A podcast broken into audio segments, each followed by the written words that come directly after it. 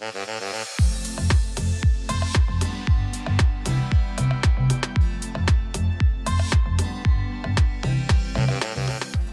Tere tulemast kuulama Tervisekassa podcasti, see on üks äh, tore selline kõrvauss, mis poeb teile kõrva ja räägib sellest, et kuidas siis äh, hoida oma tervist. Äh, mida saab selleks ise ära teha ja millal oleks siis mõistlik pöörduda ka spetsialisti poole. ja tänases saates on meil külas psühhiaater Peeter Jaanson, kes on siis Eesti Psühhiaatrite Seltsi juhatuse liige ja Klaabu nimelise projekti eestvedaja.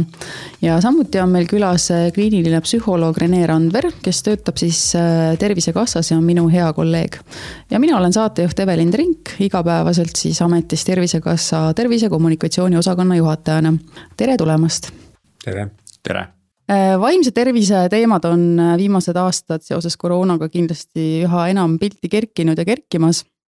ja paljudel inimestel on see küsimus, et kas mul on üldse nagu see vaimse tervise probleem nii suur, et kuhugi poole pöörduda. kuidas üldse aru saada hakatuseks, et Äh, inimene võiks äh, otsida abi? no minu meelest äh, inimene tajub omaenda vaimset seisundit ikkagi päris hästi. ja meil psühhiaatrias on järjest enam levinud niisugune ütlemine, et kui sa tunned, et sinu vaimse tervisega on midagi korrast ära, siis suure tõenäosusega on see tõsi ja sul on õigus. ehk siis, kui sa tunned midagi oma vaimse tervise juures, mis on viltu, näiteks minu poole pöördunud inimeste sagedasemad kaebused on sellised. ma ei tule enam oma eluga toime. Äh, elu jookseb minust üle. ma tunnen, et ma olen ummikusse jooksnud. ma tunnen, et ma ei saa eluga hakkama, oma rolliga elus hakkama. Äh, mul on tekkinud äh, süümepiinad, et ma olen teinud asju valesti, ma olen muutunud närviliseks. karjun oma laste peale, karjun oma pereliikmete peale põhjuseta tunnen ennast ebamugavalt tööl, uni on häiritud, ma ei söö enam nagu ma enne sõin, ma olen ärev, pinges. et vot niisugused tavalised sümptomid äh, viitavad äh, enam-vähem sellele, et äh, võiks küsida nõu. aga kus on siis õige inimene, kelle käest nõu küsida, sest vaimse tervise spetsialiste, eksperte on ju väga-väga palju erinevaid, psühholooge, terapeute, osad on veel kliinilised psühholoogid, et psühhiaatriteni, eks ju, välja et paljud inimesed ei teagi, kuhu poole pöörduda ja millise murega, millise spetsialisti poole, on siin mõni hea nõuanne? Äh, noh, igasuguse tervisemure korral, äh, sõltumata sellest, kas see on füüsilise tervisealane või vaimse tervisealane, saab iga inimene, olenemata oma vanusest, tegelikult äh, abi oma perearstilt või pereõelt. või siis perearstide infotelefonilt üks, kaks, kaks, null aga ma kindlasti julgustaksin seda tegema, sellepärast et aina rohkem perearste saab aidata ja on motiveeritud ja, ja tegelikult omavad ka neid teadmisi ja oskusi, et äh, anda esmast nõu äh,. aidata diagnoosini jõudmisel, vajadusel siis saavad tegelikult ka perearstid konsulteerida psühhiaatritega. ja ka tegelikult suunata psühholoogide, kliiniliste psühholoogide juurde äh, ravitegevusteks ja, ja tegelikult saavad ka perearstid ravi alustada, nii et äh, ainult selle taha mina ei jääks, et tegelikult ongi kättesaadavus äh, raskevõitu psühholoogideni, et inimene ei peaks tegelikult üksi olema seal. ja siia veel lõppu lisaks selle, et äh, isegi kui hakkad otsima informatsiooni selle kohta, siis seda leiab väga palju, et milline see õige spetsialist tegelikult isegi on, kui ma tahaksin minna edasi kui oma perearstist, et okei okay,. ma tahan natuke rohkem infot saada, siis väga hea koht, kust alustada on kodulehekülg peaasi.ee peaasi on ka Tervisekassa tore lepingupartner ja tõepoolest teeb tänuväärset tööd äh, inimeste harimisel vaimse tervise teemal. aga küsin niipidi, et kas, kas inimesed mitte ei mõtle, et aga, aga see, et ma olen nagu pinges või närviline, et see käib ikka ju eluga kaasas, et ja ma olen ju hädapätakas, kui ma kuhugi pöördun, et need vaimse tervise äh, mured võiksid ju iseenesest mööda minna, kas nad lähevad ise mööda?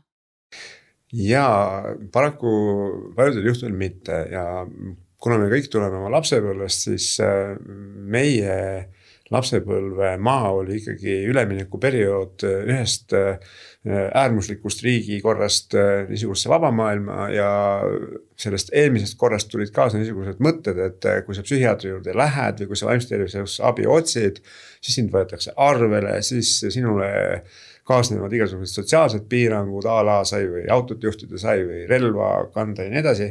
ja need on üsna visadunud muutuma, et ütleme, kuni viimase ajani eh, oli niisugune veendumus, et eh, ma ei tea, kas ma ikka sinna lähen, ma ei tea, kas ma hakkan nüüd märki maha jätma, et kindlasti jääb sellest kuskile mingi märk, et noh, need asjad on nüüd muutunud. aga mis ei ole võib-olla tänaseni veel päris muutunud, nagu Rene rääkis, on see, et inimestes on veendumus, et kui ma tahan ikkagi vaimse tervise probleemile abi saada, siis ma pean kindlasti pressima ennast psühhiaatri vaimse tervise vastuvõtule. ja projekt Klaabu, äh, mis algatati kaks aastat tagasi ja mis tugineb meie psühhiaatrite eriala arengukaval, äh, suunabki siis ähm, inimesi rohkem esmaselt abi otsima just pereõe ja, ja perearsti juurest ehk siis äh, on selge, et vaimse tervise probleeme on sedavõrd palju, et psühhiaatrid üksi kogu seda vaimse tervise probleemistikku lahendada ei suuda. ja see Klaabu äh, nimi tuli just äh, sellest, et Klaabu on niisugune äh, heatahtlik tegelane mina mäletan teda raamatutest ja multifilmidest. auvastik ja see heatahtlik tegelane tähendab siis, sümboliseerib perearstide ja psühhiaatrite koostööd Äh, lisaks on selles koostööprojektis ka Tervisekassa, kes kogu seda projekti on nõu ja jõuga vedanud äh, viimased kaks pool aastat. ja Klaabu siis tähendab seda, et äh, psühhiaatrid ja perearstid teeksid rohkem koostööd. et siis õige patsient satuks õigel ajal õigesse kohta.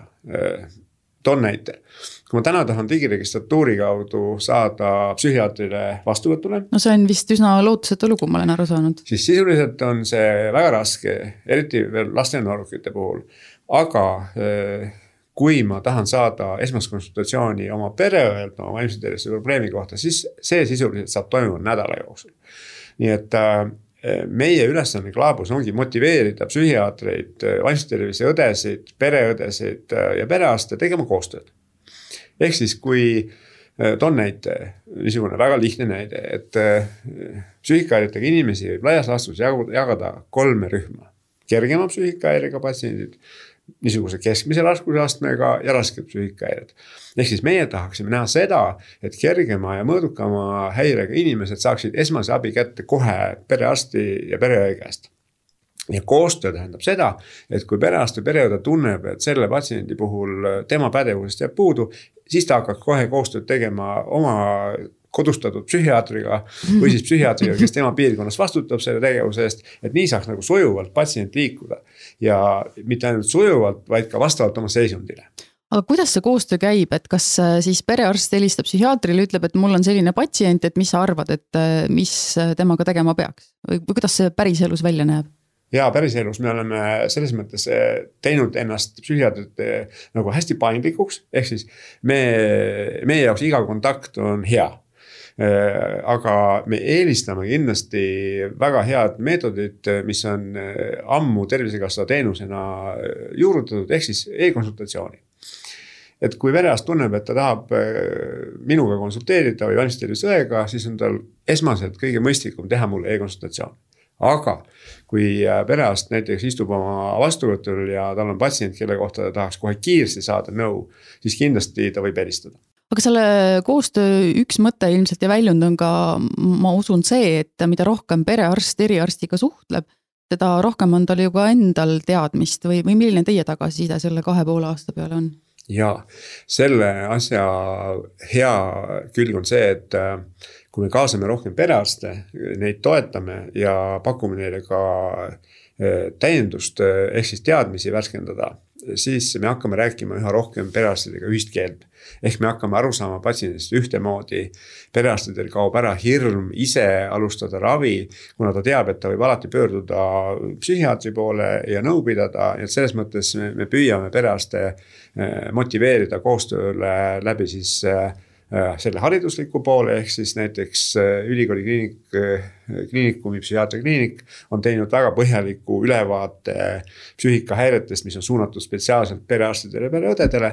et siis neid nagu innustada ja, ja võtta maha hirme ise alustada ravi me rääkisime korra ka sellest, et neid psüühikahäireid võiks suures plaanis jagada kolme klassi, et et ähm, kas siin saab tuua ka näited, et milline on siis see, see kergem variant, milline on juba raske ja kus siis juba see inimese elu on niivõrd keeruline ja raske, et peaks juba tõesti psühhiaatri juurde pöörduma just selle, selle, need kolmanda grupi inimesed, et need olid väga, väga tore jaotus, aga, aga kuidas siis aru saada ikkagi veel kord, et et nüüd on see lugu nii hull, et perearst tõesti juba kabinetist võtab kõne, et mil-, milline see päris elu jälle taaskord on?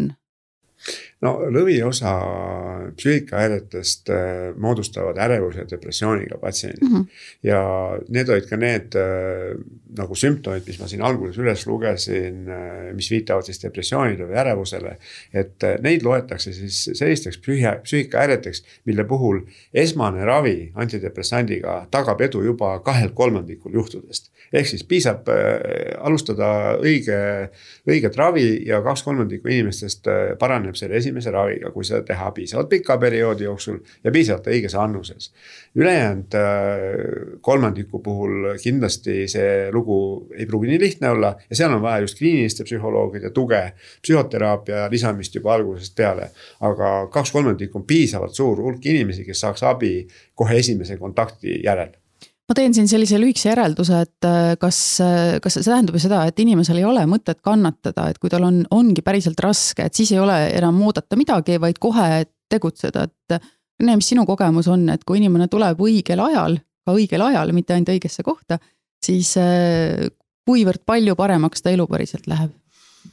Mm, jah, me teame seda tegelikult erinevatest uuringutest ja ja seda, seda on hakatud uurima ka Eestis, et äh, mis võiks olla erinevate sekkumiste kuluefektiivsus, et mitte lihtsalt see, et kas ta töötab, vaid et äh, kui meil on suur valik erinevaid sekkumisi, siis mida me peaksime eelistama, siis me täna me juba teame, et äh, ennetada on odavam kui, kui siis ravida või mm, -hmm. või noh, nii-öelda hiljem sekkuda. Ja samas äh, ravida on odavam kui mitte ravida, selles mõttes, et kui me jätame selle inimese nagu ravimata, siis see on ka halb nii et tegelikult noh, meil ongi siiani olnud rohkem äh, vaimse tervise süsteem kaldu äh, psühhiaatrilise abi poole, sellepärast nad on ka suuresti noh, väga ülekoormatud psühhiaatrid, et me praegu oleme siin. ja mina usun sellesse väga palju, mille nimel tegelikult ka Glaubu projekt ja, ja tegelikult ilmselt ka mitmed teised arendusprojektid, mis ootavad oma järge, et, et ellu ärgata. Kuhu on suunatud, et äh, mõtleme läbi kes mida teeb selle vaim-, inimese, vaimse tervise murega inimese teekonnal, seal on erinevad spetsialistid Äh, psühhiaatrid, vaimse tervise õed, äh, psühholoogid, kelle hulka kuulub äh, nii kliinilisi psühholooge kui ka psühholoog-nõustajaid. Ja mõtleme läbi sellest, et kuidas inimene tegelikult sellel teekonnal liigub, et ta võimalikult varakult saaks aru, mis küsimused tal on tekkinud, mis mure see on, sõltumata sellest, kas ta jõuab selleni ise või mõni lähedane või keskkond, kus ta igapäevaselt toimetab, olgu see kool või töökeskkond, kui ta saab sealt kui seal on hea äh, tugisüsteem, kui seal on tervist toetav keskkond, siis tegelikult need signaalid jõuavad, jõuavad temani. et, et äh, vaatame, kuidas me saame sind aidata. ja, ja see ja need erinevad spetsialistid peavad olema noh, nad ongi tegelikult valmis, aga praegu lihtsalt ongi see häda, et need tervishoiusüsteemi eelsed tasandid ja spetsialistid äh, see, nende teenuste pakkumine on hästi ebaühtlane ja, ja hästi killustatud ja väga vähene. et selliste sekkumiste pakkujad nagu näiteks on peaasi.ee, kes pakuvad äh, noortele nõustamisi, eks ole, noortele täiskasvanutele ja tegelikult ka kooliõpilastele, siis äh, see, need mahud võiksid olla palju suuremad, sellepärast et abivajadus on palju suurem, et me teame juba ka praegu seda, nüüd tulles korra tagasi, mida Peeter mainis, et depressioonist ja ärevushäiretest, et me teame Eesti rahvastiku vaimse tervise uuringu põhjal seda, et ähm, igal rohkem kui neljal, neljandikul inimestest, igal neljandal inimesel on suurenenud depressiooni risk ja igal viiendal inimesel on suurenenud ärevushäire risk. ja kui uuriti äh, perioodi kaks tuhat kuusteist kuni kakskümmend üks äh, inimesi, kes sattusid sinna uuringu valimisse ja vaadati, mis psüühikahäirete diagnoosid neil on, siis me teame seda et. et kaheteistkümnel protsendil oli depressiooni diagnoos ja kümnel protsendil oli ärevushäire diagnoos. nii et äh, need on väga lävi, levinud psüühikahäired igasugune paha tuju või igasugune ärevus ei ole veel psüühikahäire kohe, kui ma midagi sellist tunnen, ei tähenda seda, et ma pean hakkama kohe ravimeid sööma või ma pean kohe minema psühhoteraapiasse. et sellepärast ongi hästi oluline võimalikult varakult rääkida sellest õigele inimesele ja väga sageli on selleks õigeks inimeseks tegelikult perearst aga kui me räägime sellest, et tõesti, kui juba, kui ma nüüd mõtlen seda, et palju mul sõpru on ja iga neljas, iga viies, tal võiks midagi nagu vaimse tervise vaates mureks olla. miks see nii on? Miks, mis, mis selleni, mis on maailmas juhtunud või elus või, või ühiskonnas, on üks küsimus, aga teine asi ka see, et kas see oli enne ka nii, et võib-olla me ei rääkinud siis sellest või on see midagi täiesti uut?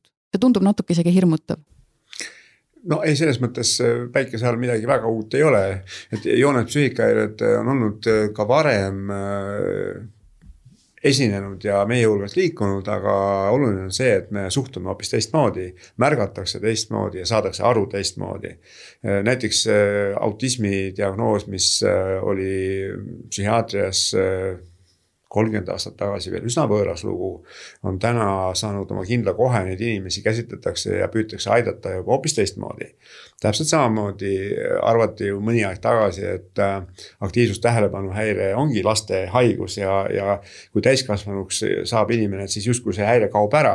täna on selge, et, et näiteks viiest protsendist ATH inimestest, kes kasvavad suureks, see häire jätkub umbes kahel poolel protsendil inimestest, ehk siis need inimesed vajavad samasugust abi, nagu nad vajasid võib-olla kolmkümmend aastat tagasi, aga siis me ei tundnud neid asju ära.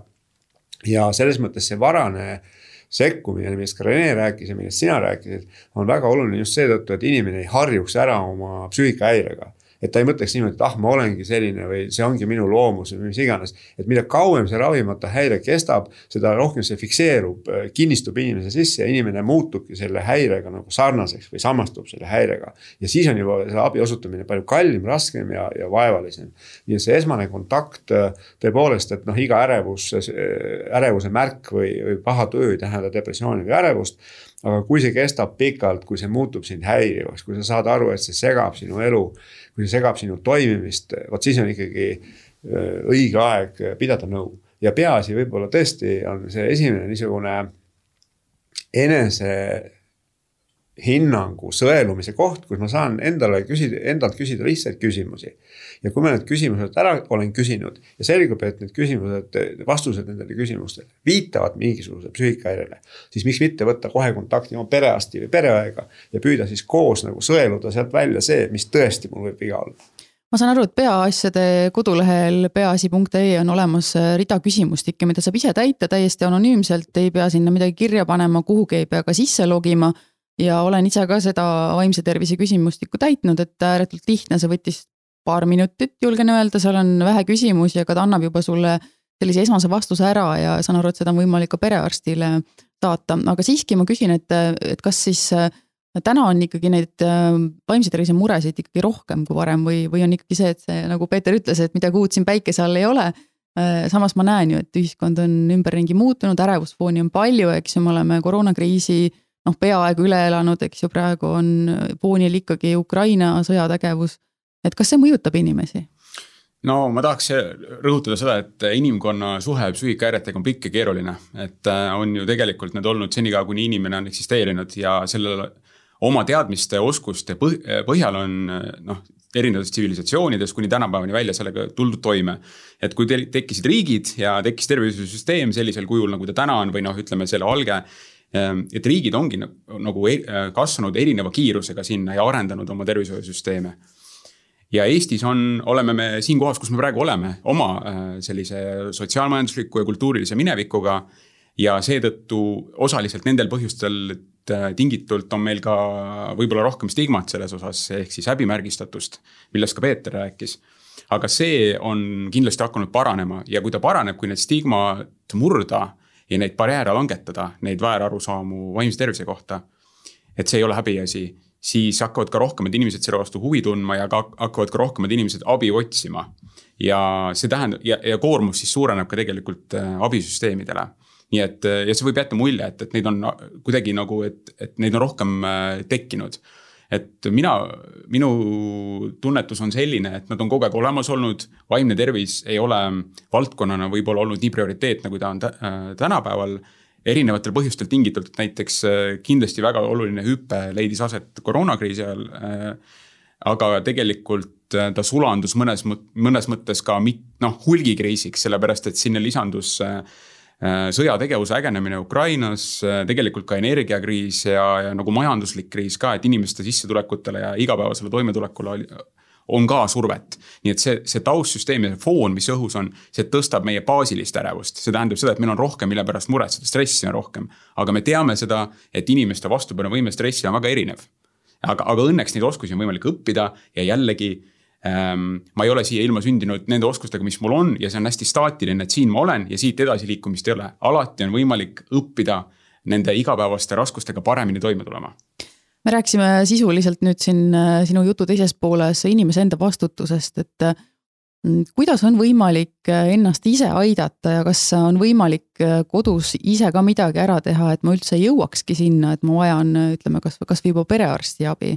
Mida ma siis tegema peaksin, see on küsimus teile mõlemale, et et ma tervishoiusüsteemis väga palju patsiendi enda vastutust ei näe, et tavaliselt on see, et minnakse arsti juurde siis, kui lugu on juba hull, kõik kohad valutavad ja siis arst hakkab rääkima tervislikust toitumisest, liikumisest, puhkamisest, siis inimene ütleb, et aga noh, seda ma ei ole nõus muutma, et äh, anna tabletti. ja see on äh, esmatähtis, et äh, rõhutada inimestele, et inimene ise saab elada tervet elu ehk siis mida see terve elu tähendab, see terve elu tähendab seda vanast talupojatarkusest, et seitsmes päev nädalas on hingamiseks, siis tööd ei tehta. Tore kuulda. Veedetakse aega perega, ei pea tingimata minema kaks korda aastas soojale maale, palju tähtsam on minna iga nädalavahetus näiteks perega matkama teha midagi koos, et sellel on nagu hindamatu väärtus oma mentaalse toonuse hoidmisel. ja nagu siin Rene rääkis, et äh, kõik sõltub sellest taustast. nii et noh, täna võiks öelda seda, et kas psüühikahäireid on rohkem või mitte, aga surve, koormus, mentaalne, mentaalne koormus ja surve mentaalsele heaolule on, on suurenenud, et seda enam on vaja tasakaalustada oma psüühiline ja füüsiline koormus. seda enam on vaja leida meetodeid lõõgastumiseks ja tegelikult, kui ma vaatan ringi, ma ise käin palju matkamas ja rattaga sõitmas, siis äh, niisuguseid tasuta vaimse tervise ja vaimse toonuse tõstmise viise on ikka küll ja küll. Eestis on väga hea matkaradade süsteem, väga hea kergliiklusteede süsteem, nii et selles mõttes äh, kättesaadavus on ju väga oluline, et, et ma leian, et riik on väga palju panustanud sellesse, et inimesed saaksid ise oma vaimse tervise ja toonuse eest seista. ja seda tuleks igati propageerida ja arendada, et inimene ise saaks teha väga palju selleks. et me räägime hästi palju ka ennetusest, eks ole, et siis tegelikult vaimse tervise alane ennetus ja need tegevused, mida me saame teha, väga palju siiski ei erine, seal on väga vähe unikaalsed, kui me võrdleme nende tegevustega, mis on vajalik näiteks füüsilise tervise jaoks, et täpselt seesama. Need äh, teadmised on meil juba olemas, et äh, ole füüsiliselt aktiivne või äh, toitu mitmekülgselt ja tervislikult äh,. sotsialiseeru teiste inimestega äh,, otsi positiivseid emotsioone, maga korralikult. kui sa teed neid asju kui sa kasvõi mõtled selle peale aeg-ajalt niimoodi noh. ja, ja mõtled, et kas ma saan selleks osas midagi nagu enda jaoks natuke paremini teha.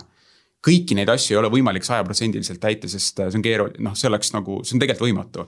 aga me saame mõelda, kas nagu nende, nende asjade peale, kas järjekorras või, või mõne peale korraga, et, et kas ma saan, kas selles osas natuke king pigista viimasele, kas ma saan midagi enda jaoks nagu rohkem ära teha, et need raskused, mis mul praegu on, võib-olla väga kiiresti ei hakkaks süvenema, et me räägime hästi palju ennetusest, sellepärast et hiljem nendega asjadega tegeleda on raskem igas mõttes.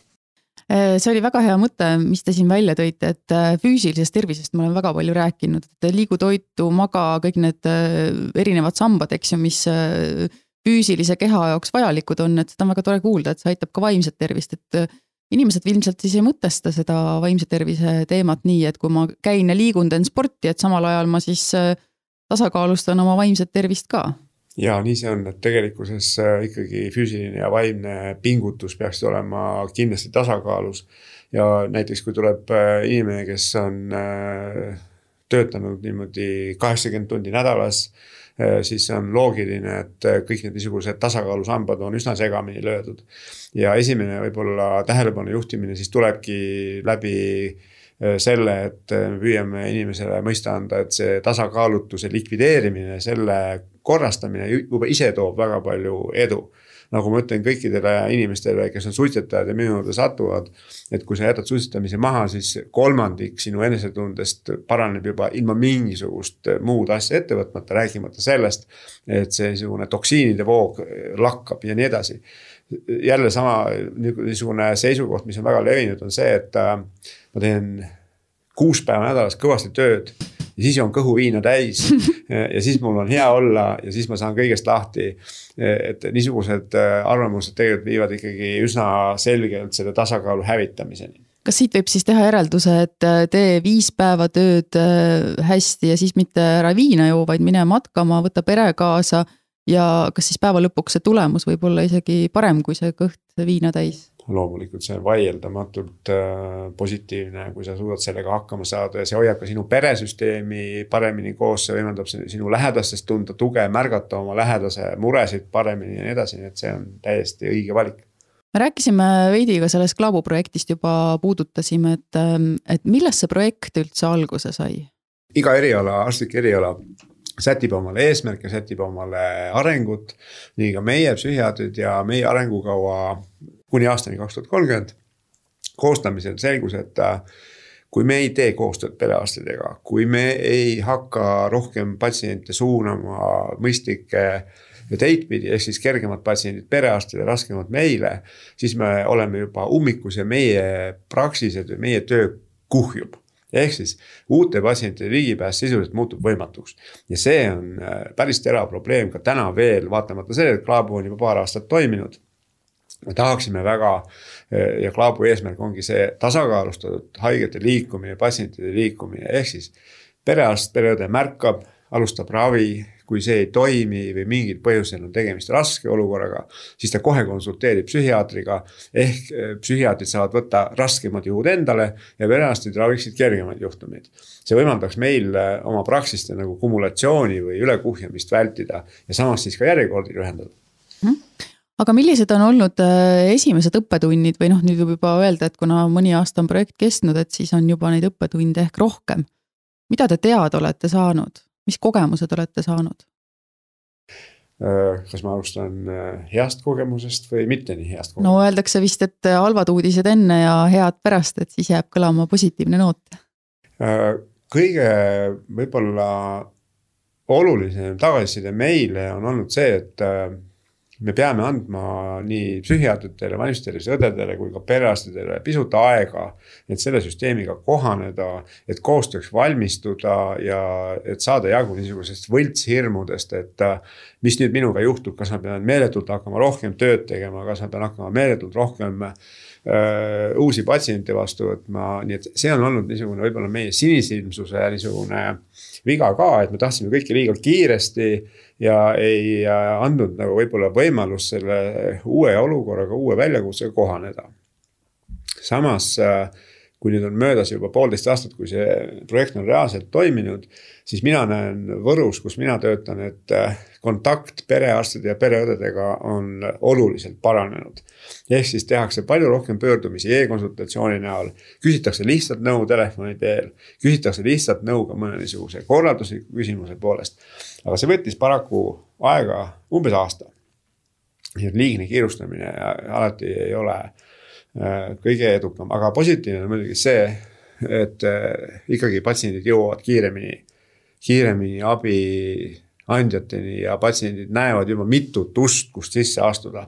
et ei ole enam see, et ma kindlasti pean saama psühhiaatri või vaimse terviseõe vastuvõtule, vaid et mul on võimalus ka rääkida oma pereõega ja siis ka oma perearstiga, et see on niisugune ikkagi väga hea uudis. ma tahtsin ka kommenta-, äh, kommenteerida seda, et, et Klaabu tänaseks juba tegutseb mitmes piirkonnas, et ta alustas küll Kagu-Eestist, Võrumaalt ja siis liikus edasi Tartumaale, Viljandimaale, Pärnusse ja suund on tegelikult edasi põhja poole et äh, need piirkonnad on kõik selles mõttes ikkagi nagu erinevad, et ja nad ja see võimekus ja, ja. ja noh, nagu natuke motivatsiooni küsimus ka, aga eelkõige ikkagi et tööriistad, teadmised, oskused tegeleda vaimse tervise alaste inimestega perearstide meeskondades on ka ikkagi erinev ja nad liiguvad erineva kiirusega. ja sellest lähtuvalt nad vajavad ka erineval nagu koguses tuge tegelikult sellistelt projektidelt ja, ja ma arvan, et see on hästi oluline, et ka kõikidele teistele, kes sellistele esmaabi, esmatasandi meeskondadele näidata, et, et, et need asjad toimivad ja, ja äkki peaks ka sisse vaatama sellesse, et äkki meie saaksime siin ka võita. et tegelikult need ähm, tervishoiu esmatasandi või perearsti abitiimidest, nad on ka väga erinevad selles mõttes, et on mõned perearstid, kes tegutsevad ainult koos oma pereõega on, on sellised peaaegu nagu üksikpraksised versus tervisekeskused, kus on väga suured noh su, suhteliselt suured tiimid, suured nimistud. ja seal on ka tu, tervishoiu tugispetsialistid nende ümber, kaasa arvatud vaimse tervise õed ja, ja, ja kliinilised psühholoogid näiteks. Et loomulikult neil ongi juba, nad vajavad ka vähem tuge ja, ja nemad saavad ise väga hästi hakkama aga, ja ma just tahtsin ka seda öelda, et ei jääks kõlama see, et kõik perearstid üle Eesti vajavad vaimse tervise abil nagu või vaimse tervise valdkonnas väga palju võimestamist, sest me teame, et äh, märkimisväärne osa nendest tegelikult täna väga hästi saab hakkama vaimse tervise alase murega inimestega. ja, ja projektid nagu Klaabu on, on ole, on ellu viidud selleks, et aidata neid, kes soovivad endast rohkem anda nendele inimestele, kes pöörduvad vaimse tervise alase murega nende poole aga räägime korra ka perearsti rollist, et äh, minu jaoks on perearst üks imearst, kes peab teadma inimesest absoluutselt kõike. ja siis on kuskil veel eriarstid, eks ju, kes tegelevad kitsamalt äh, oma erialaga äh, aga miks siis perearst, kes ülikoolist tuleb, ei oska juba kõike, et miks üldse mingit abi vaja on? Sa pead silmas, miks ta ei oska tegeleda psüühikahäiretega või no näiteks ükskõik millega, näiteks äh, miks ta ei ole silmaarst või oftalmoloog äh, süvitsi ja teab näiteks silmahaigustest kõike, küsimus ei ole ju ainult vaimses tervises. ja siin ongi see põhiline äh, kuidas ma ütlen, perearsti praksiste tööasetuse rõhk, ehk siis tegeleda lihtsamate, kergemate juhtumitega. toon näite näiteks kardioloogiast. kui minul on hüpertoonia tõbi, perearst on määranud mulle ravi ja see ravi toimib siis äh, ei ole ju äh, mingisugust mõtet saata mind kardioloogile. samamoodi on psüühikahäirega, kui perearst või pereõde tunneb ära ärevuse või depressiooni ja nagu enne oli jutuks, et äh, kahel kolmandikul, kes saavad juba esmase ravi, seisund paraneb, siis ei ole mingit mõtet ju psühhiaatri ravimeeskonna või psühhiaatri meeskonnaga kontakti võtta. nii et perearstil peaks olema ja tal ongi see oskus ja pereõdedel tunda ära raskemad juhud ja mitte hakata ise nendega maadlema et, et selles mõttes perearstid ei nõutagi seda, et ta teaks silmahaigusi eh, saja protsendi ulatuses ja psüühikahäireid saja protsendi ulatuses. ja võib-olla esimene hirm eh, perearstidel oligi see, et, et mis saab nendest raskematest psüühikahäiretest eh, ja me oleme siis perearstidega koostöös teinud väga selge niisuguse erisuse, et niipea kui perearsti meeskond tunneb, et see patsient käib üle jõu, siis ta pöörduks kohe meie poole, me võtaksime üle. ja mis võib juhtuda ka reaalelus, on see, et et juhtubki, et eh, me aitame perearsti ja see patsient läheb jälle uuesti perearsti jälgimiseni, nii et kogu aeg ei peagi olema eriarsti eh, juures ja noh, lõpetuseks ma ütlen seda, et. et kui näiteks ma oleksin kardioloog ja perearst saadaks mulle patsiendi, et ole hea, pikenda eh, vererõhuravimi retsepti. siis rohkem see kardioloog minust midagi kuulda ei tahaks arusaadav, ühesõnaga, et perearsti roll on ikkagi selline esmane märkamine, aitamine ja kui läheb lugu keerulisemaks, siis äh, suuname edasi. Äh, kuhu Klaabu edasi suundub, mis teie tulevikuplaanid on? kui me alustasime, siis me rääkisime Klaabust kui pilootprojektist. et tänaseks on pilootprojekt tegelikkuses kõikide osapoolte arvates, see on siis nii perearstid, psühhiaatrid kui Tervisekassa kasvanud välja juba selliseks projektiks, mille nimi on Tulevik ehk siis eh, me ei taha enam rääkida Klaabust kui pilootprojektist, me tahame Klaabu edasi viia niimoodi, et see kataks ära kogu riigi. nii et järgmine niisugune oluline suund, mille suunas me juba eh, mõtteid vahetame, on Ida-Virumaa. Eh, millel on veel suuremad eripärad võrreldes teiste Eesti piirkondadega, nii et me valmistume ja püüame väga hoolikalt valmistuda, et siseneda ikkagi natuke erinevasse kultuuriruumi ja oluliselt erinevasse keeleruumi, mis tegelikkuses seab uued väljakutsed. aga me tahaksime ja seltsid ja, ja ma saan aru ka tervishoiupoliitikud tahavad näha seda, et see süsteem toimiks, sest see tagab ikkagi selle põhiprintsiibi laias laastus, mille nimi on õige patsient õigel ajal õiges kohas. ehk siis see abi ei jää venima ja inimene ei loobu pöördumast, et äh, nii see Klabu areng on läinud kas selles uues projektis nimega Tulevik või see ei ole isegi projekt enam, see ongi siis nii-öelda tavaelu juba, on teil mingisugused ajalised sellised verstapostid ka paika pandud, et kuhu ja mis ajaks te tahate jõuda? esimene on see, et me ei taha kiirustada.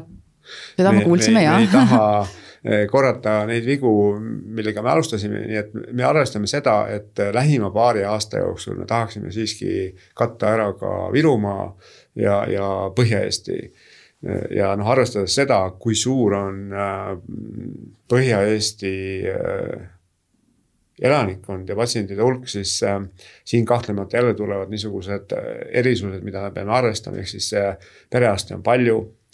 psühhiaatreid on oluliselt vähem, kuidas see koostöö panna toimima nii, et keegi ei tunneks ennast kuidagi ülekoormatuna. et me püüame siis äh, lühidalt öeldes hoolikamalt valmistuda. Jah, kui palju üldse, küsin vahele, on äh, Eestis psühhiaatreid?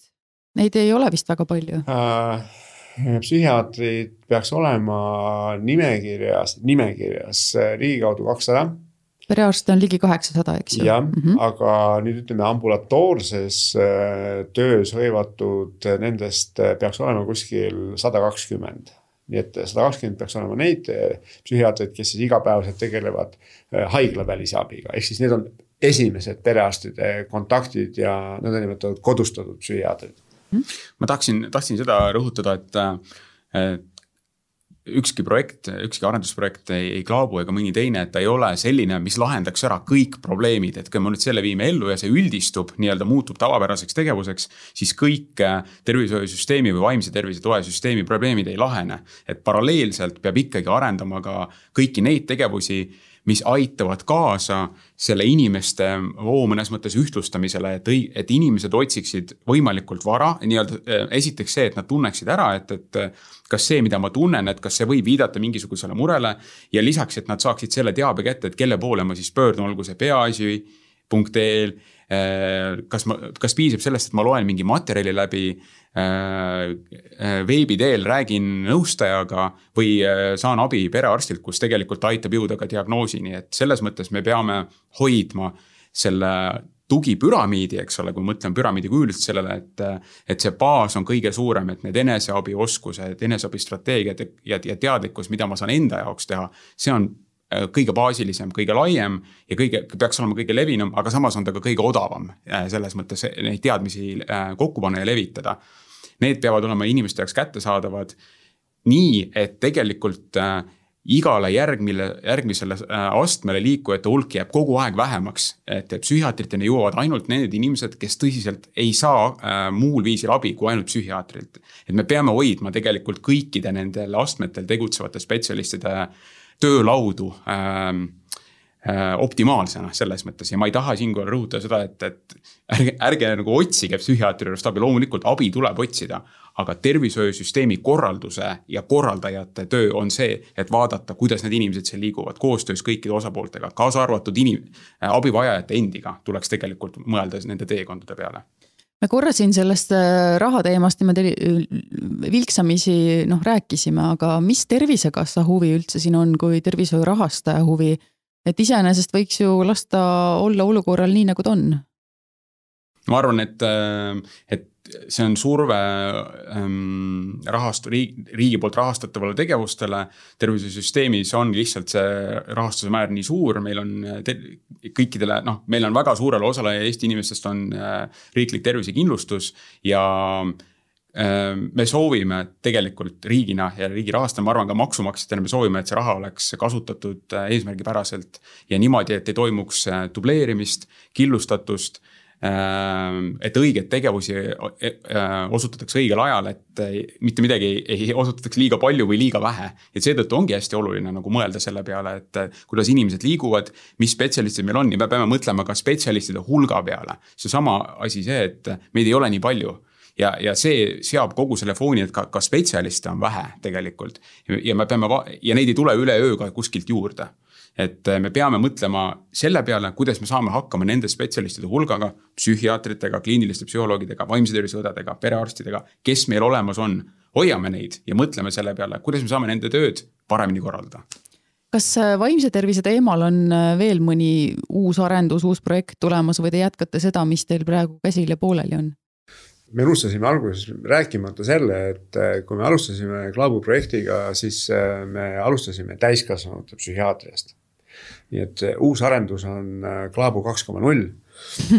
ehk siis eh, me tahame kaasata laste ja noorukite psühhiaatria ja noh, ütleme hea on nendel alustada just nimelt nüüd, kui meil on olemas esmane kogemus, kuidas me alustasime Klaabuga täiskasvanute maailmas ja ma tean, et näiteks Viljandimaa ja Jämejala äh, haigla eestvõttel nad käivitasid juba tegelikult äh, vaikimisi Klaabu kaks koma nulli ära. ehk siis nad on püüdnud perearstidega koostööd arendada laste ja noorukite äh, psühhiaatrias esimestena. ja noh, arvestades seda kuivõrd koormatud on täna laste ja noorukite psühhiaatriline teenistus, siis seal see Klaabu arendamine tundub olevat isegi veelgi loogilisem ja, ja veelgi olulisem. ja mis ma tahan Renele veel täienduseks öelda, kui rääkida rahast, siis kui me tegime oma arengukava, siis oli päris selge see, et äh, tervisekassa võib meile raha juurde anda.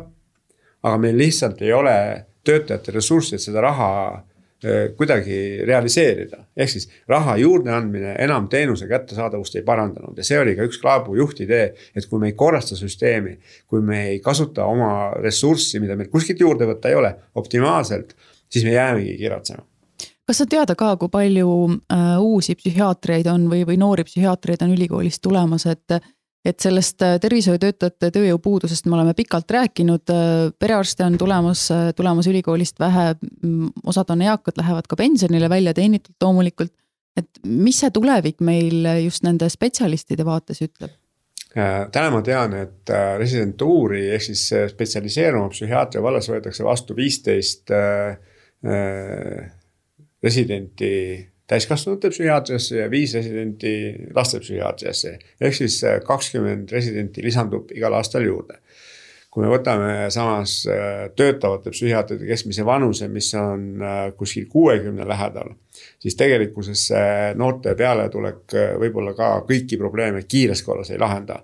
aga me leiame, et see viisteist pluss viis ehk siis kakskümmend inimest lisandumas võiks olla tulevik. See tähendab siis seda, et nad kõik lähevad reaalselt ka tööle?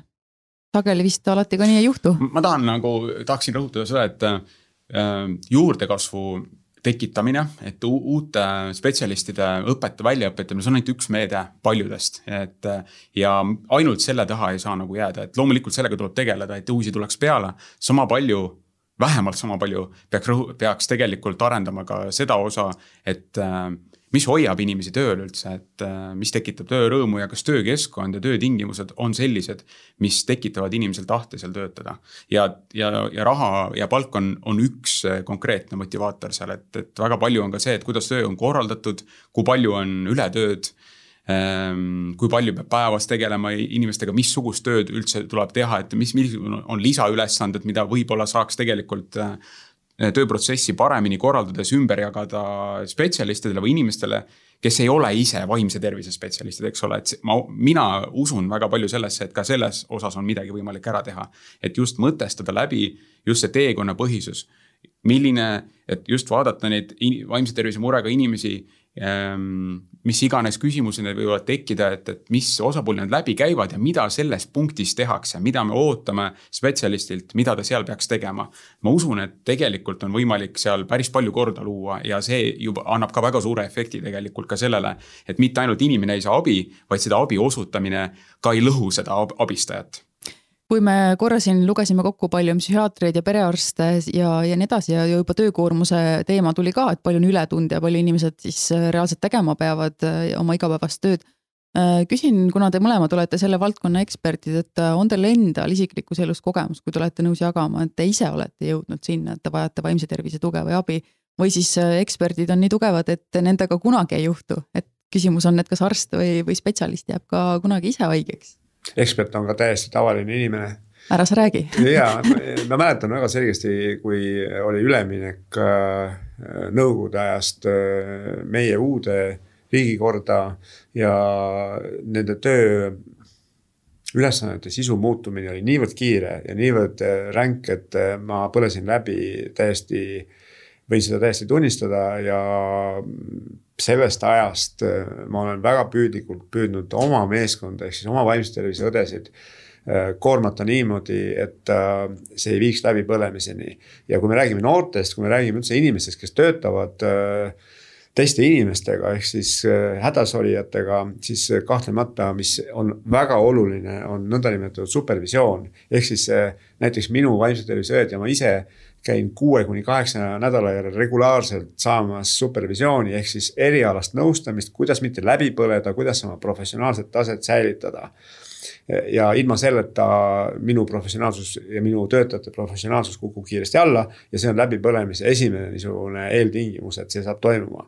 Ja muidugi, mida ei tohi unustada ja mida me peame silmas pidama, et äh, kui inimene on lõpetanud äh, vaimse tervise õe magistrantuuri või inimene on lõpetanud näiteks psühhiaatria residentuuri või perearsti residentuuri siis tal on vaja kümme tuhat tundi, et saada meistriks. talle peab andma aega, talle peab, teda peab juhendama veel ja veel ja veel Eh, sest see on tõestatud ja pole minu välja mõeldud, et umbes nii palju töötunde kulub, et inimesel saada tõeliseks professionaaliks. Kui kohe koormata inimene üle, anda talle kohe terve osakonna täis patsiente, eh, noh siis sealt nagu head nahka ei tule.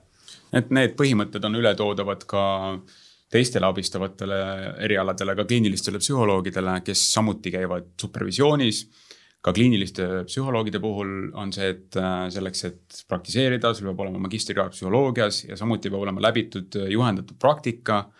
Äh, aga noh, selleks, et saada omal alal meistriks, siis oli see kahekümne, ma ei mäleta, kas see oli viieteist või kahekümne tuhande tunni reegel, on ju, et, et ükskõik mis tahes valdkonnas, et sa pead nagu tegema seda igapäevatööd et äh, kliinilise psühholoogi puhul on jah, see nii-öelda ametlik on tuhat viissada äh, töötundi juhendatud praktikat. peale mida sa oled küps läbi viima kutseeksami ja kui sa selle läbid, saad minna nagu äh, siis iseseisvalt tööle. et kindlasti peavad nendel alg-, nii-öelda värsketel õpetajatel ja, ja kutseomanikele, kes tegelikult võib-olla ei olegi veel kutset. Nad vajavad sellist tugisüsteemi ja tihti neile seda ka tänapäeval juba pakutakse kutseaasta käigus või residentuuri käigus ja aga oluline on see, et kui see nii-öelda selliperiood või selle väljaõppeperiood saab otsa ja sa oled nii-öelda valmis, siis tegelikult sa vajad ka sealt edasi seda tugisüsteemi. ja ma tahan just rõhutada, sõltumata sellest, missugune abistav eriala see on. ma võiksin paralleele tuua ka näiteks õpetajate või treenerite pealt või, või muud, kes töötavad teiste inimestega. Äh, nad, nad vajavad tegelikult ka abi ja võib-olla isegi on vaja eraldi kindlasti, mitte võib-olla on vaja selle peale mõelda eraldi, et kuidas olemasolevad tugisüsteemid aitavad abistajat ja kas nad üldse aitavad teda piisavalt. et kas on nüüd tegelikult eraldi arendussuund, millega peab tegelema? aga kas ei ole mitte niimoodi, et äh, kuidas öeldakse, et kui sa teed heateo, siis see aitab sind ennast ka, et äh, kui inimene kedagi abistab, see peaks ju pakkuma ainult rõõmu, et äh, miks teda üldse seal jälgida vaja on ja mingit tugisüsteemi ehitada? Ja kindlasti rõõmu, aga teisalt tuleb ka olukord, kus äh, me põrkame mõnikord väga oluliste takistuste otsa, ehk siis. me ei oska võib-olla mingit raskemat psüühikahäiret veel sedavõrd ravida, et me näeme paranemist, me näeme, et me stoppame mingisugusel raviperioodil, et meie teadmised on veel sedavõrd algeliselt, et me ei oska inimest lõpuni aidata ja see põhjustab teistpidi niisugust frustratsiooni ja abituse tunnet, nii et äh, see abistamine ei ole ainult puhas rõõm, et seal on ka oma see varjukülg, nagu ikka elus on. ja vot nende probleemidega toimetulekuks äh, ongi seda niisugust supervisiooni ja tugisüsteemi vaja, sest äh, tegelikult see töö kulutab see töö kulutab minu ressurssi, minu vaimset energiat. ja jällegi minnes tagasi selle terve elu juurde, siis mul on vaja seda taastada. ma saan ise väga palju teha, me kõik saame ise väga palju teha, aga samas on olukord, kus me peame oma professionaalsust säilitama läbi nõustamise. võib-olla ma ei nimetaks seda abiks, supervisiooni, vaid nõustamine ja tugi, minu tugi, et see on nagu tulnud äh, meie süsteemi nüüd viimaste aastatega. näiteks äh, Tervisekassa teenuste hinnakirjas on isegi supervisiooni maksumuse osa sees, mis on väga suur edasiminek. nii et see on nagu midagi uut, et abistaja vajab ka abi selleks, et jätkuvalt abi anda. me korra rääkisime juba sellisest äh, toredast mõistest nagu Klaabu kaks punkt null. Äh, laste teema ja noorukite teema on alati selline, mis ühiskonnas hästi palju sellist kõlapinda saab. Äh, mis tänaste noorte ja lastega toimub? Vaat see on nüüd niisugune küsimus, mis võtab mind väga hõredaks, sellepärast et äh, otseselt laste ja noorukite psühhiaater ma ei ole. aga toimub see, mis toimub ka täiskasvanutega, ehk siis need turbulentsid ja kogu selle viimaste aastate arengute niisugune tõeline segadus. Äh, ega see siis ei puuduta ainult täiskasvanuid, et äh, kui täiskasvanud ise on ütleme ärevuse foon on kõrgenenud, siis paratamatult kandub see üle ka lastele.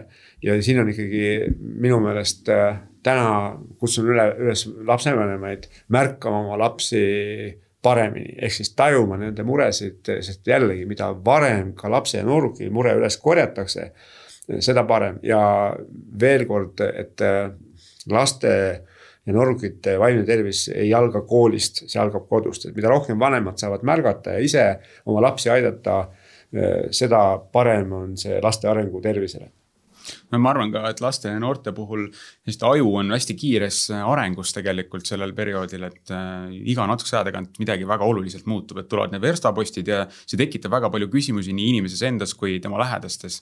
ja, ja seetõttu ongi, et üks asi on see, et me, et ühiskond ähm, peaks pingutama selle nimel, et aidata, et see laps ise oskaks mingi noh, nii palju kui tema arengu selles hetkes, kus ta on, ta saab teha, eks ole. et see peab olema tal arengukohane see ja arengukohaselt ka esitatud, et needsamad need vaimse tervise vitamiinid, millest me rääkisime, liikumine, toitumine, magamine, me saame nende, nendest rääkimist alustada hästi varakult juba. ja, ja kui juba lasteaias tegelikult. aga, aga samas ongi see, et äh, sama, sama hästi need, samamoodi need teadmised peavad jõudma lähed- äh,, lähemale ja need oskused kuidas nendest teemadest rääkida, peavad jõudma ka nende inimesteni, kes puutuvad lastega nende teekonnal kokku laste ja noortega, et siis äh, lasteaedades, koolides, kutsekoolides ja nii edasi, eks ole, aga tegelikult ka kuni noore täiskasvanu eani välja. ja lapsed ei, ei ole ju üksi, eks ole, selles, vaid, vaid ka pered, et see vanemluse küsimus on täpselt sama oluline seal ümber. et äh, lähedased, vanemad, hooldajad ja need omased, nad vajavad ka abi tegelikult selleks, et oma, oma last või lapsi nende teekonnal aidata. ja mina soovitan äh, kõigil vanematel, lapsevanematel, kes meid kuulavad, külastada kodulehekülge tarkvanem.ee mina kahjuks külastasin seda esimest korda juba vanavanemana. aga seal on erakordselt mõistetavas keeles toodud välja soovitused, kuidas oma last jälgida, kuidas oma lapse ekraaniaega reguleerida, kuidas digimaailmaga suhestuda, nii et selles mõttes tarkvanem.ee suurepärane keskkond saada olulisi teadmisi laste märkamiseks, nende kasvatamise niimoodi õiges suunas viimiseks, väga hea koht.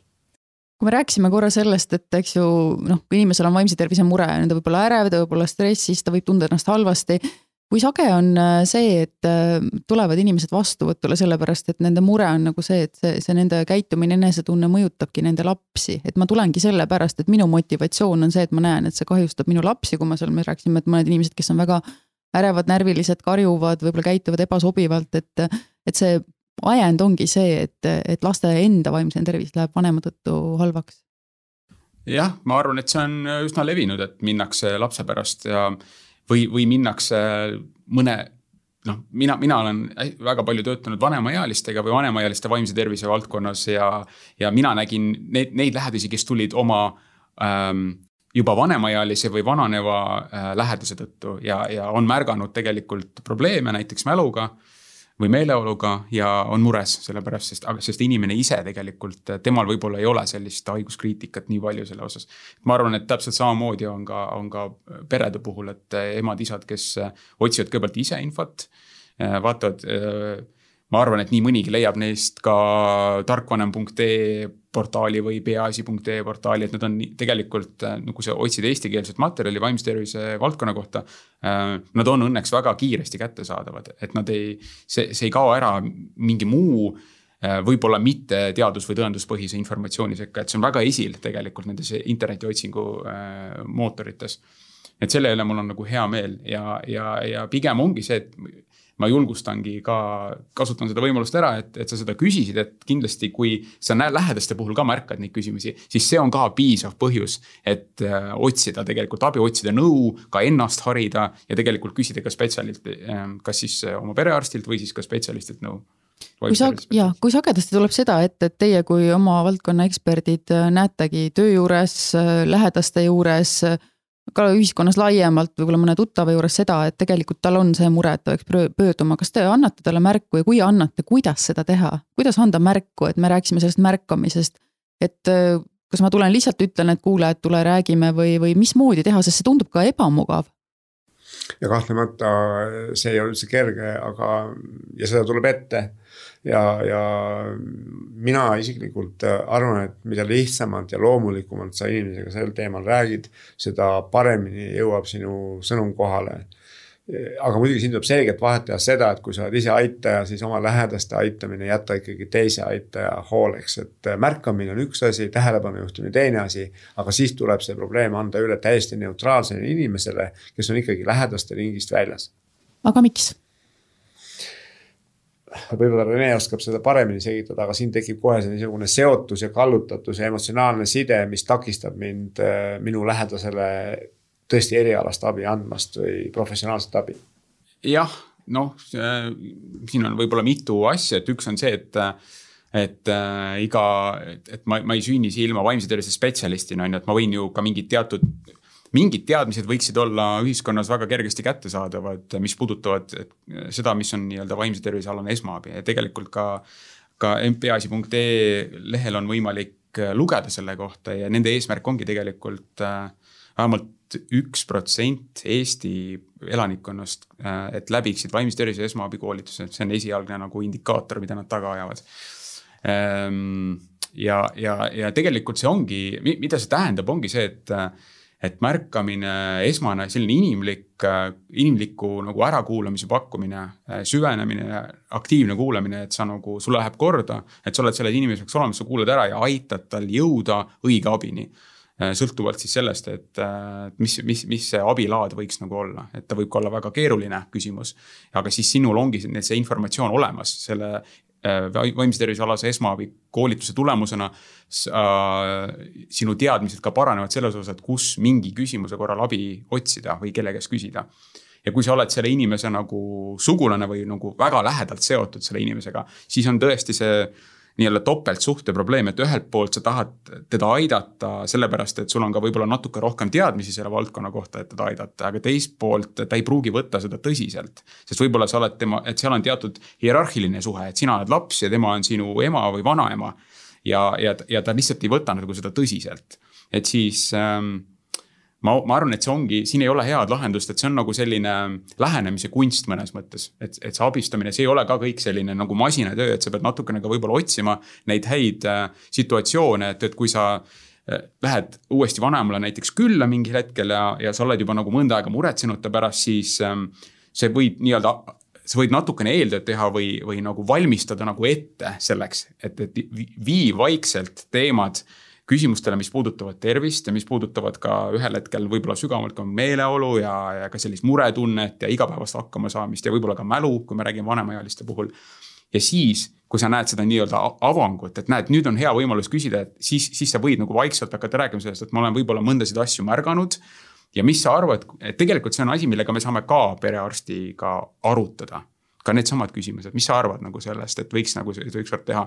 et see on lihtsalt üks võimalus, kuidas hakata nagu vaikselt ette valmistama inimest selleks, et talle nõu anda või talle soovitusi anda see kõlab ikkagi päris, päris keeruliselt, et äh, kui me läheme kooli, siis me õpime, kuidas äh, ma ei tea, matemaatikavalemeid kasutada, kuidas äh, füüsika poolelt maailm toimib miks siis see vaimse tervise teema nii kuidagi raske on ja sellest on tõesti väga keeruline rääkida, paljud inimesed äh, ütlevad kohe, et ah, mis minul nüüd. ja mul ongi selline elu, eks ju, ja ma peangi niimoodi elama, et mul on keeruline toime tulla. ma ei oska oma emotsioone juhtida ja mul on kõik muud mured, et miks see nii kuidagi võõras meile on? no me natuke rääkisime ka sellest, et see on kindlasti sellesamaga seotud, et millest on olnud kombeks rääkida ja millest mitte, et, et ma julgen öelda, et äh, et seal on vanuseline erinevus ka, et, et äh, noorukid ja noored täiskasvanud tänapäeval räägivad palju avatumalt tegelikult vaimse tervise alastest küsimustest ja jagavad seda nii oma äh, kaasteelistega, õpilastega, sõpradega, lähedastega, oma muresid, ka, ka täitsa avalikult tegelikult päris paljud äh, sotsiaalmeedias selle ja, ja osaliselt sellepärast ka, et nad ei, nendele enam ei tundu, et see oleks mingi selline asi, millest oleks nagu häbiasi rääkida, et, et kui ma julgen nagu öelda seda, et mul on kips või ma just kukkusin, siis tegelikult nad räägivad samamoodi ka sellest, et äh, ma ei saa magada või mul on nagu mingi viimased kaks nädalat väga kehv meeleolu et mul on, või siis mul on nii tugev ärevus, et ma ei saa kodust välja minna. et noh, see on tervisealane probleem, see on tervisealane küsimus ja temal ei peaks olema mingist erilist suhet nagu kogu muu ühiskonna või maailmaga, et need on need asjad, millest ei räägita. aga see ei ole alati nii olnud. on olnud aeg, kus see tõepoolest oli midagi sellist, kus tegelikult kogu ühiskond andis nii kaudselt kui otseselt teada sulle, et nendest asjadest ei räägita kas ma võin siit siis järeldada, et tulevik äh, vaimse tervise teemadest ja muredest rääkimisel on helgem kui võib-olla veel, veel praegu see koht, kus me oleme? Ja kindlasti ja mina tahan näha seda, et äh, me töötaksime vaimse tervise nimel äh, kõik ühe suure meeskonnana, ehk siis püramiidi tipus, ehk siis eriarstid koos perearstidega moodustaks tegelikult ühtse meeskonna äh, vaimse tervise probleemide aitamisel, järgmine aste järgmise meeskonna ja lõppkokkuvõttes kogu see püramiid. ehk siis alates esmatasandist ja eneseabist moodustaks ühtse niisuguse meeskonna, millega me siis asume seda vaimse tervise maailma äh, parandama ja ennetama paljusid probleeme. et see koostöö oleks võti igal tasandil ja igat moodi ja siis ma saan aru, et ka patsiendipoolne koostöö käib sinna hulka ja loomulikult eh, patsiendi enda eneseabi, terve elu elamine, sealt algab kõik. kas teil on eh, vaimse tervise teemal ja seda Klaabu projekti vaadates veel midagi, mida te tahaksite lisada või, või öelda, kas midagi on jäänud katmata? ma ütleks ühe mõttetera, et see jääks kõlama, ongi see, et ei ole vaimset tervist ilma füüsilise terviseta ja vastupidi, et ta ei ole ja me ei ole, see, et me vaimsest tervisest võib-olla ei ole varem nii palju rääkinud, kui nüüd ei tähenda seda, et see oleks midagi väga erilist või väga unikaalset. ja ta nõuaks mingisuguseid ülispetsiaalseid sekkumisi, jah mingites olukordades see tõepoolest on nii vajalik, meil on erinevad erialad ja mõned inimesed on paremini ette valmistunud selleks, et aidata vaimse tervise murega inimest, aga me räägime siin väga väljendunud häiretest juba ja ha nagu sügavatest haigustest, aga suur osa sellistest suur osa nendest ei ole sellised. ja me, me tegelikult kogu ühiskonnana, sõltumata sellest, kas me oleme õpilane, lähedane, vanem, õpetaja, arst, psühholoog ja nii edasi. Eh, meil kõigil on oma mõnes mõttes roll täita selles osas, et need teadmised, oskused oleks ühiskonnas saadaval, et, et, et see süsteem toimiks normaalselt, et ei oleks nii, et kõik inimesed hakkavad rääkima vaimsest tervisest siis, kui on vaja psühhiaatri juurde minna. et äh, me oleme õigel teel, ma arvan, et see, täna on see olukord juba palju parem, kui ta oli eile, noh piltlikult. ja homme on ta veel parem kui täna ja oluline, minu meelest on oluline alati silmas pidada seda, et me vaataks inimest kui tervikut, ehk siis alates sellest, äh, mida ta kodus teeb, mis töö tal on, kuidas tema paarisuhe on, kuidas tema peresuhted on. kuidas tema kehaline tervis on ja lõpuks siis, kuidas see kõik seondub kokku ühtseks tervikuks, kaasa arvatud vaimne tervis. jah, üks kiire kommentaar veel selle kohta, et me täna ei rääkinud väga palju sellest. aga see on, see on eraldi teema, millest ka ma näen, et peab rääkima ja hakataksegi rohkem rääkima, on tervist toetavad kogukonnad et inim-, inimene ja tema lähedased, nad ei ole, nad ikkagi eksisteerivad teatud kogukonnas ja ka kogukondades peab olema, see peab olema ka tervist toetav. et, et inimene saaks seda abi, mis tal on vaja, tegelikult oma elukohale võimalikult lähedal. et tervist edendavad kogukonnad kindlasti ka on asi, kuhu me peame edasi liikuma mulle meeldis väga sinu paralleel noh, selliste muude haiguste või, või inimese noh, ütleme nii-öelda kehaliste haigustega, et et kas võiks siia siis öelda seda, et, et nii kui nagu me rääkisime, et õige patsient oleks õige eksperdi või spetsialisti juures, et võiks ju öelda, et iga nohuga me ka ju päris kohe ma ei tea, näiteks nina-kõrva-kurguarsti juurde ei pöördu, et enamik selliseid kergemaid asju ongi kergemalt ravitavad, isegi apteegis saab ju nõu, et mis rohtu siis võtta ja ongi perioodil, periood elus, kus on pingelisem, on keerulisem, pärast jälle kõik taastub kusjuures see on ju väga hea näide, sest ma alles hiljuti kuulsin seda analoogiat. Äh, me soovime, et äh, näiteks kergematest vaimse tervise alastest probleemidest, olgu see sihuke meeleoluga seotud või ärevusega seotud, et et, et sellealased teadmised, mida sellega teha, võiks jõuda täpselt samasse kohta, nagu on täna, kui me räägime nohust kõik lapsevanemad teavad, mida tuleb teha, kui lapsel on nohu. Nad ei pea helistama, nad ei helista kohe alguses selle, selle, selles osas perearstile. et küsida, mida ma nüüd tegema kui lapsel on nohu. et sa tead seda, et, et äh, pese, eks ole, käsi, joo vedelikku, hoia nii-öelda keha soojas, eks ole. no joo, joo seal teed näiteks ja, ja seal on veel mõned, mõned asjad, mida sa saad ise teha enda jaoks. ja väldi kontakte näiteks ja niimoodi mõnda aega, et püsi kodus, puhka rohkem. samamoodi päris suur, päris palju nendest soovitustest tegelikult kattuvad ka vaimse tervise alaste muredega ja need, nende eest hoolitsemisega. lisaks siis veel mõned tegevused, millest me täna oleme rääkinud, mida sa saad ka ise tegelikult kodus teha enda jaoks. Mhm. et äh, see maailm tegelikult ei ole nii keeruline, vahepeal lihtsalt tundub, et see vaimse tervise teema on nagu noh, nii keeruline, et alati ongi siia eksperti kõrvale vaja, aga ma saan aru, et siin tegelikult on lihtsad lahendused olemas ja käepärasemad, kui me tegelikult arvame jah, täpselt nii, kõik algab äh, meist endist, oskusest ennast vaadata, oskusest elada tervet elu. Äh, see on baasvundament. aga siinkohal ongi sobilik ehk otsad kokku tõmmata, et äh, õige murega õige spetsialisti poole ja peaasi.ee, tarkvarem.ee käisid siit veebilehtedena läbi, on teil veel mõni soovitus, kust inimene ise abi saab? Ma arvan kindlasti need inimesed, kes täna veel nii aktiivselt arvutit ei kasuta, siis äh, pereõde võiks olla see esmane kontakt, kes aitaks selgusele jõuda, kas minuga on midagi tõsist lahti või ma pean lihtsalt natuke korrigeerima oma elustiili. see on ka väga hea soovitus jah, ja kui perearsti või pereõde kätte ei saa, siis perearstide infoliin üks, kaks, kaks, null. ja nemad annavad ka siis selliseid esimesed soovitusi. väga super, aga aitäh teile saatesse tulemast ja hoidkem siis nii vaimset kui füüsilist tervist. Ja ilusat kevadet. ilusat kevadet, aitäh. aitäh